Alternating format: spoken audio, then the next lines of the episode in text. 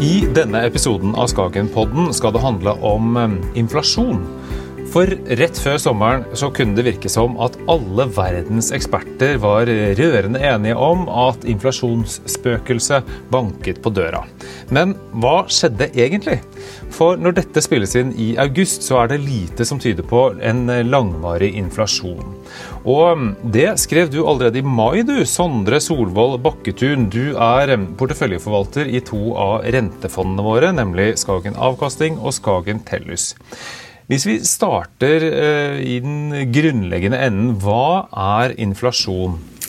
Vi kunne sikkert ha lagd en eh, hel episode bare rundt det spørsmålet. Men eh, den standarddefinisjonen på inflasjon, som du finner i lærebøkene og som er allment akseptert, er at inflasjon er en vedvarende vekst i det generelle prisnivået. Og Det er jo en definisjon som på en måte er litt uklar, eh, men det er et par ting som er viktig å henge seg opp litt i. Og det er at eh, vi snakker om vedvarende vekst. Det vil si at det, det er noe som skjer litt over tid. Det er ikke snakk om én måned eller to måneder, men gjerne vi snakker om år eh, for at vi skal tenke at det er inflasjon. Og så er det at det er vekst i det generelle prisnivået. Det er ikke snakk om vekst i enkeltpriser her og der. Det er vekst i priser på tvers av alle varer og tjenester. Eh, men som sagt, den er jo på en måte litt uh, uklar, den definisjonen. Men uh, da må en prøve å måle inflasjonen på en eller annen måte. Og da bruker vi typisk det som en kaller for en konsumprisindeks. Som består av et utvalg varer og tjenester som skal representere normalforbruket til en person i et, i et gitt land. Eh, og så måler en endringene i prisene på den indeksen over tid. Og Det gir et eh, ganske godt bilde på inflasjonen, eh, tror jeg, og godt bilde på utviklinger. Men det er òg viktig å påpeke at dette òg er estimat på inflasjonen. Sånn at det kan være ting som blir målt i konsumprisindeksen som egentlig ikke er inflasjon. Um, og så har jeg én til kjepphest eh, når det kommer til det her med definisjonen på inflasjon. og Det er at eh, det er ganske mye feil bruk av ordet inflasjon. Nå har jo vi definert hva inflasjon er, men spesielt i media så leser du ofte om uh, inflasjon i enkeltpriser. Og en gjenganger er jo inflasjon i oljeprisen. Og da blir jo ordet inflasjon brukt som et synonym til vekst. Eh, og, det er enkelt og greit feil, og, og skaper litt unødvendig forvirring, spør du meg. Så når folk syns at eh, nå har det jammen meg blitt dyrt, så betyr det ikke nødvendigvis at det er inflasjon det er snakk om? Nei, ikke nødvendigvis. Altså, for det at eh, prisendringer på enkeltvarer, f.eks. oljeprisen, da, det, er en, det er jo kjempeviktig vare.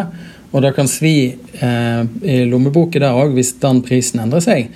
Men prisendring på oljeprisen i seg sjøl er ikke nødvendigvis inflasjon. Det er jo typisk eh, gjerne forårsaka av eh, tilbudssidehendelser, som f.eks. en krig i Midtøsten. Da, da går eh, oljeprisen opp. Eh, og det i seg sjøl er ikke nødvendigvis inflasjon. Men det er klart, den kan bidra til å skape en, en forventning til mer prisøkning framover, sånn at den kan spille inn på inflasjon.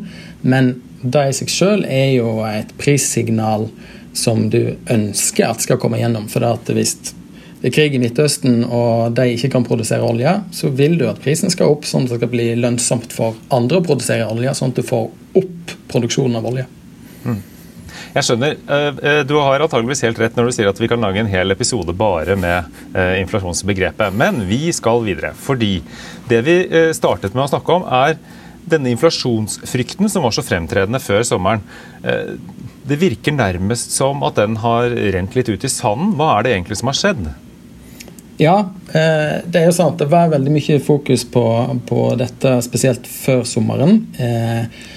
Og du kan jo si hele den inflasjonsfrykten den oppsto eh, hovedsakelig i USA eh, tidligere i år, når du fikk en del eh, datapunkt eh, på prisvekst og forventninger til prisveksten som var overraskende høye. Eh, både økonomer og investorer forventa ikke de høye tallene, og da, da ble en litt sånn slått i bakken av det og lurte litt på oi, hva skjer nå? Og så ble det en stor diskusjon. Eh, får vi nå kjempehøy inflasjon? Kommer den til å vare lenge, eller er det forbigående? Og så er det ganske gode argumenter på begge sider, men, men det har i hvert fall vært storyen. Um, og så er det sånn at eh, det har egentlig ikke skjedd så masse eh, siden i vår. For det er fremdeles høye prisveksttall fra USA. De siste tallene vi fikk, er like høye som før sommeren. Og inflasjonsforventningene er òg fremdeles ganske høye. Eh, så det som egentlig har skjedd, er vel bare at nyhetsverdien til hele den historien rundt inflasjonsfrykt har gått litt ned. Og nå skjer det en god del andre ting som er litt mer spennende. Du har både deltaviruset og du har eh, Kina som eh, driver med alle mulige eh, interessante eh, endringer i sin økonomi, som, som stjeler litt mer av nyhetsbildet. Men diskusjonen rundt eh, om den prisveksten vi ser nå, spesielt i USA, er forbigående eller ikke, den pågår egentlig fremdeles. Eh, personlig så mener jo jeg at det foreløpig ser ut som at mesteparten av det er forbigående. Men, eh, men inflasjonsrisikoen har uansett økt. Nettopp. Og Nå ser vi jo at Norges Bank og den amerikanske sentral, sentralbanken eh, fortsatt varsler at de kommer til å øke styringsrentene. Eh, og For Norges del så skal vel det da allerede skje ved neste rentemøte. Eh, hvordan vil det påvirke avkastningen i eh, rentefondene våre? Ja, eh, for den amerikanske sentralbanken sin del så er det nok fremdeles en god stund til de eh, rører styringsrenta.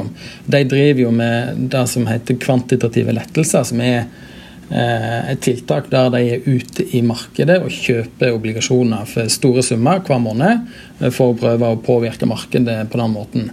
Så før de rører styringsrenta, så skal de redusere de her støttekjøpene, som en kaller det. Og Det kommer de til å bruke ganske lang tid på. For det er noe som kan eh, skape uro i markedet når de skal gjøre det. Så, så det er en stund til de kommer til å røre styringsrenta. Men eh, det er helt riktig som du sier at eh, Norges Bank de kommer etter all sannsynlighet til å sette opp renta i september fra 0 til 0,25 um, og eh, hvis du investerer i rentefond, da, så er det, kan det være to effekter av eh, en økning i rentenivået. og Det er litt avhengig av hva type instrument du investerer i. Hvis du investerer i obligasjoner med flytende rente, så vil jo da renta på obligasjonen justere seg med det generelle rentenivået. Derav navnet flytende rente på obligasjonen. Hvis du på den andre sida investerer i obligasjoner med fast rente, så har du låst inn renta for en periode. Og hvis det generelle rentenivået da går opp, så har du fremdeles låst renta di på et uh, nivå som nå ikke er så attraktivt, for da låste du før renta ble høyere. Så da får du typisk et verdifall på den obligasjonen med fastrente. Uh, hvor stort det verdifallet er, det avhenger av hvor lang tid det er til forfall på den obligasjonen. Eh, når det kommer til våre fond, og mine fond, Skagen Avkastningen og Skagen eh, Tellus, så investerer jeg eh, både i obligasjoner med flytende rente og obligasjoner med fast rente. I avkastning så er hoveddelen investert i obligasjoner med flytende rente. Så når vi nå forventer at Norges Bank setter opp renta, så vil òg renta på obligasjonene i Skagen Avkastning gå opp og kundene vil få høyere avkastning på pengene sine framover. Eh, og eh, i Skagen Tellus så investerer jeg som sagt mer i obligasjoner med fastrente.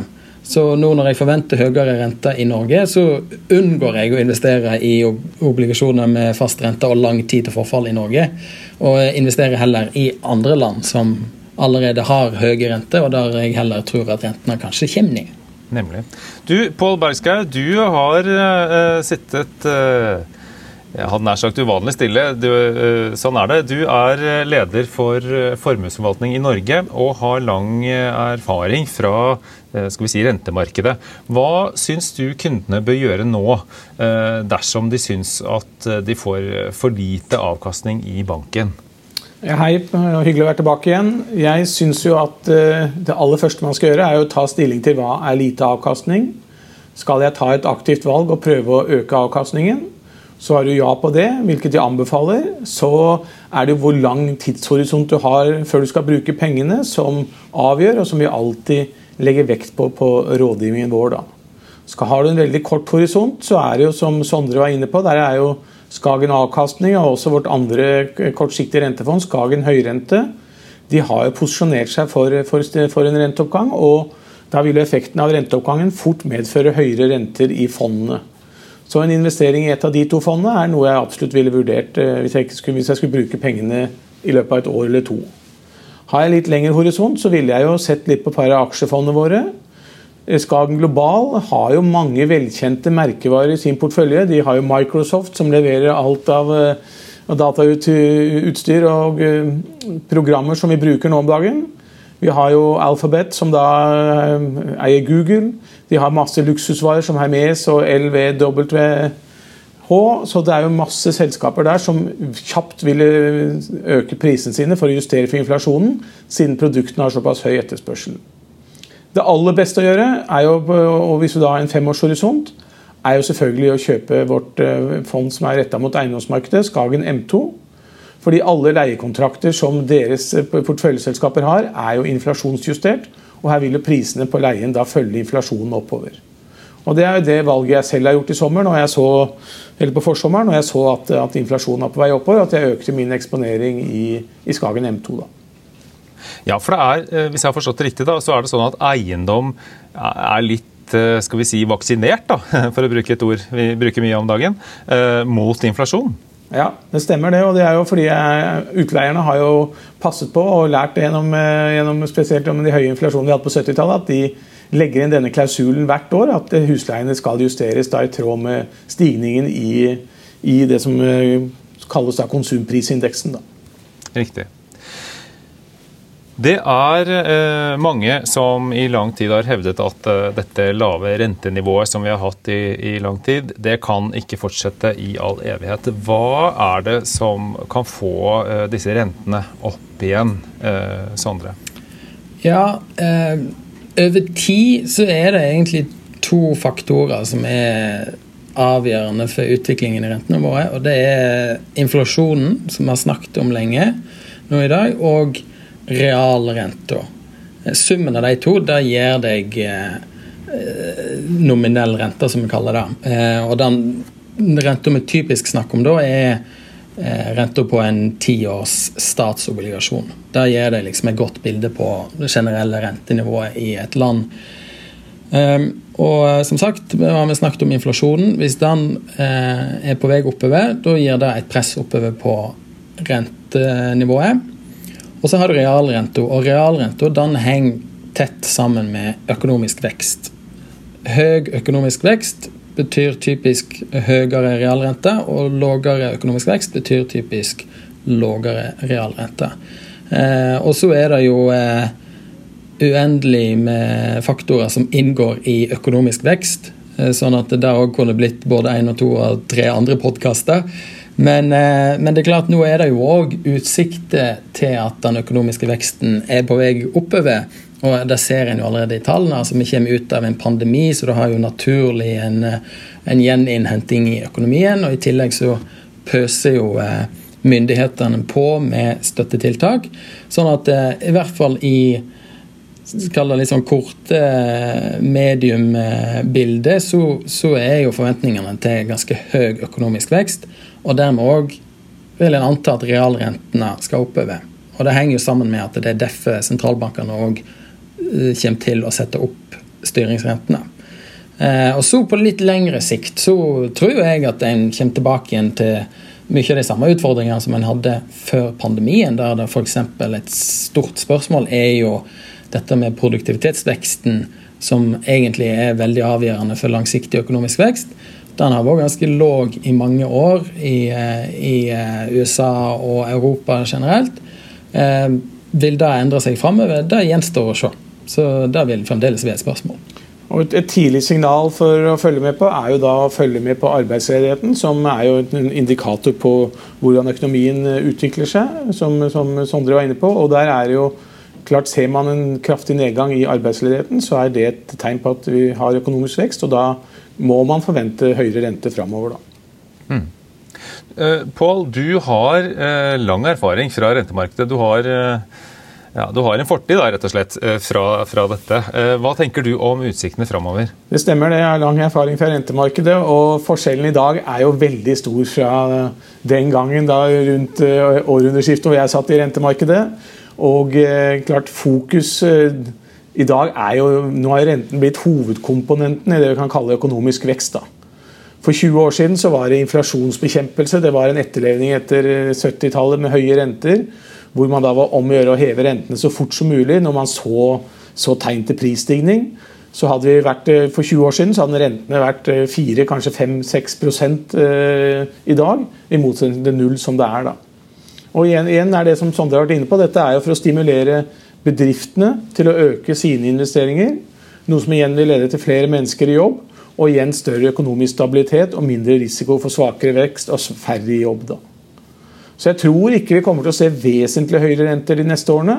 Og da når jeg sier vesentlig høyere, så tror jeg ikke vi kommer til å se noen styringsrenter over 2% altså en maks renteoppgang på 2 og, og så skal vi huske selvfølgelig at inflasjonen alltid er bedre for avkastningen eh, av oss for oss som investorer enn det motsatte. og Det er jo den frykten som mange kjenner på, nemlig fallende priser og det som kalles deflasjon. Da.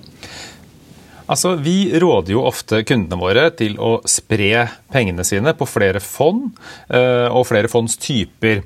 Og For de som ikke er så glade i uh, svingninger, så har rentefond vært et solid uh, alternativ. Men nå er det ikke så mye avkastning å hente der. og ser, Hvis jeg forstår deg riktig, så er det ikke nødvendigvis veldig mye avkastning å hente i framtiden heller. Er det det, Pål? Nei, det stemmer det, Ole Kristian. Vi har jo hatt nøkkelrenter helt ned på 0,2 eh, i sommer. Det er det som kalles pengemarkedsrenten. Og nå har de i løpet av august steget til 0,4% og det er klart Da blir jo avkastningen eh, marginalt bedre enn bankinnskudd, som stort sett ligger med 0 til 0,1-0,2.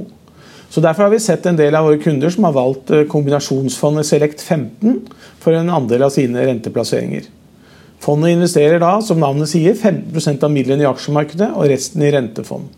Og Det har hatt en avkastning på 2,75% i år.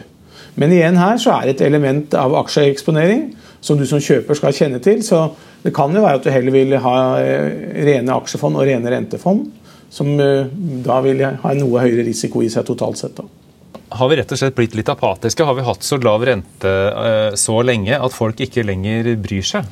Ja, det er jo ikke bra når vi, når vi, nå nesten blir apatiske for å bruke det uttrykket, til negative realrenter og fallende pengeverdi. For det er det som skjer når prisene stiger med 3,5% og du får 0,1 i, i, i banken, så har jo pengene dine falt i verdi. Men mange har jo da valgt å, å følge det gode det, det, er ikke noe alternativsporet som har vært mye snakket om de siste årene, og tatt høyere risiko med større aksjeeksponering. Andre har erkjent at jeg kan leve med at pengene i banken blir mindre verdt, og leve godt med det. For det er jo som de fleste av oss eh, vet, vi har jo gjerne et hus, kanskje to. Vi har hytter eller to. Og disse verdiene vil jo følge inflasjonen. Og det er klart Når vi da har barn, som i hvert fall jeg i min alder har, med boliglån, så matcher det litt vår sparing. De som familie får da en lavere rente på sine boliglån, selv om mine da sparinger blir litt mindre verdt. da. Så her har vi også fordeler og ulemper for familien AS, som man kan kanskje ta inn i bildet. og Som kanskje sier at, da, at de som har penger i banken, kan leve med at uh, neste generasjon da får lavere renter. Da. Det kan være en grunn til at folk tilsynelatende ikke bryr seg så mye. Da. Men det er jo lenge siden det har vært så mye penger på bankkontoer som det er nå om dagen. Da. Ja. Det kan hende at de ser litt stort på det, sånn som du uh, indikerer. Du, Sondre, du um, sitter jo tettere på dette temaet enn de aller fleste. Er det sånn at vi har skremt vekk inflasjonsspøkelset for denne gang? Eh, altså Personlig så mener jo jeg at mye av den inflasjonsfrykten som en ser nå, eh, er eller bør være forbigående fordi at de høye pristallene som en ser, eh, er veldig mye pga. pandemien, som vi fremdeles er inni, egentlig. Ehm, Du hadde, Vi sammenligner oss med lave priser i fjor, som gir en kunstig høy årsvekst i prisene. I tillegg så vet vi at det er tilbudssideproblem nå på, når vi kommer ut av pandemien, som gjør at eh, prisene stiger eh, eh, i produksjon og i transport. Og, og det gir et eh, press oppover på prisene nå, men alt tilsier at det skal være forbigående etter hvert som vi kommer ut av pandemien. Så er det jo et spørsmål hvor lenge varer det her. Nå har vi jo et oppbluss i, i pandemien igjen, som kan gjøre at eh, disse her tilbudssideflaskehalsene de kan vare litt lenger enn hva en kanskje trodde. Men eh, fremdeles tror jeg at det er forbigående. Men eh, det er mange som er uenige med meg eh, der, og mange frykter at det ikke er det. Sånn at det er en diskusjon som pågår for fullt eh, fremdeles. Så eh, vi har nok ikke skremt det vekk helt ennå. Det blir spennende å se hvem som får eh, rett. Vi skal si tusen takk til Sondre og Pål for at de var med i denne podkasten, og tusen takk til deg som hørte på.